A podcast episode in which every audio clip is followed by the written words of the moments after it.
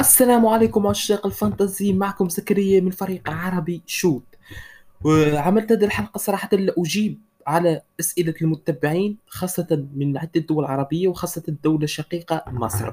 آه، السؤال يقول هل نستعمل ال wild card في الجولة الرابعة؟ آه، صراحة هذا السؤال آه، هو سؤال فهمتي يتكرر علي كثير.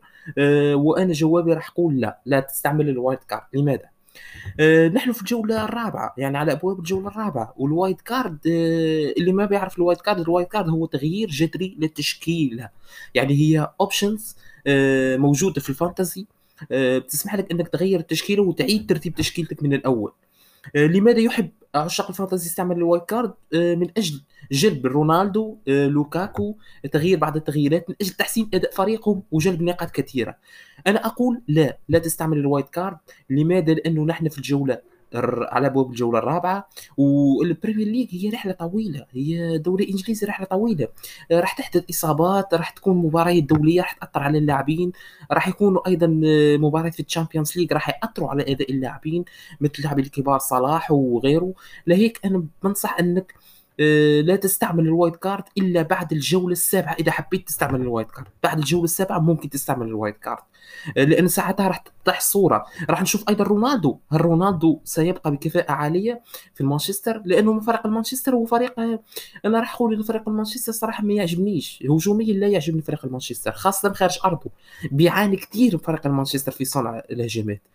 شفنا أيضا سانشو. سانشو ما قدمش كثير أنا لا أعرف هل هذا سانشو الدوري الألماني أم لا لأنه صراحة ضعيف سانشو هذا الموسم. آه، شفنا في مباراة آه، الولفرهامبتون لم يقدم شيء كثير إلا الفارق صنعوا ماسون جرينوود. آه، لهيك أنا بنصح إنه ننتظر شوية ونشوفوا رونالدو. اللي حابب يجيب لوكاكو ممكن إنك تجيب لوكاكو. لوكاكو لاعب رائع لاعب قدم أداء كبير وفريق تشيلسي يلعب على لوكاكو كثير شفنا جيمس قدم تمريرات للوكاكو. ألونسو يبحث عن لوكاكو. ماونت وهافرتس يبحثون عن لوكاكو.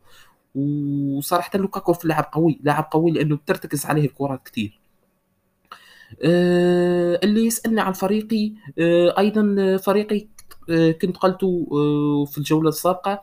آه، أنا بعتمد صراحة لم أعتمد على ال wildcard. سويت فقط بعض الأخطاء إني جلبت جيمس وجيمس خارج بالبطاقة الحمراء. هذا سبب لي بعض المشاكل لذلك اضطريت إني أعمل minus 4 وأجلب لاعب آخر.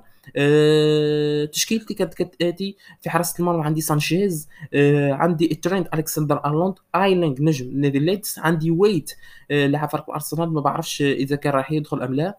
أه المهم في خط الوسط عندي جراي نجم نادي إيفرتون الشاب أه بن رحمة عندي صلاح عندي أيضا أه جرين وود وماونت. أما هجوميا فاعتمدت على أنطونيو وجيمي فاردي. آه، ما لعبش إنجز لماذا؟ لأنه إنجز عنده مباراة قوية ضد فريق تشيلسي. أستون فيلا لديها مباراة قوية ضد فريق تشيلسي. شفنا فريق تشيلسي دفاعيا قوي شفناه أمام نادي ليفربول. آه الكابتنة راح تعمد سواء صلاح. أنا صراحة مازال آه، لم أحسم في الموضوع ولكن إما أني راح أعطي الكابتن لصلاح أو أنطونيو أو جرينوود. وغالبا راح تنحصر ما بين أنطونيو آه، وصلاح لأنهم لاعبين في الفورمة صراحة قوية لاعبين في الفورمة. آه هذا كل شيء ال wildcard لا أنصح باستعماله خاصة إنه رحلة ال Premier League هي رحلة طويلة راح تأتي إصابات راح تحتاجه في وقت آخر. آه رغم إنه يكون أداء فريقك ضعيف إلا إنه حاول تعمل تغييرات حاول تعمل minus 4 حاول تسوي تغييرات من أجل إنك آه تبقى في المنافسة وحاول تأجل موضوع ال wildcard. آه الجولة الرابعة آه أتوقع أو يتوقع الخبراء ال FPL أن أن أن يستمر صلاح في تألق. آه، لوكاكو أيضا. آه، أنطونيو. آه، أيضا جيمي فاردي لأنه عنده مباراة نوعا ما سهلة. فريق السيتي سيستمر في في تقدمه عودة الأمير هاري كين. يتوقع أيضا أن يقدم أداء كبير.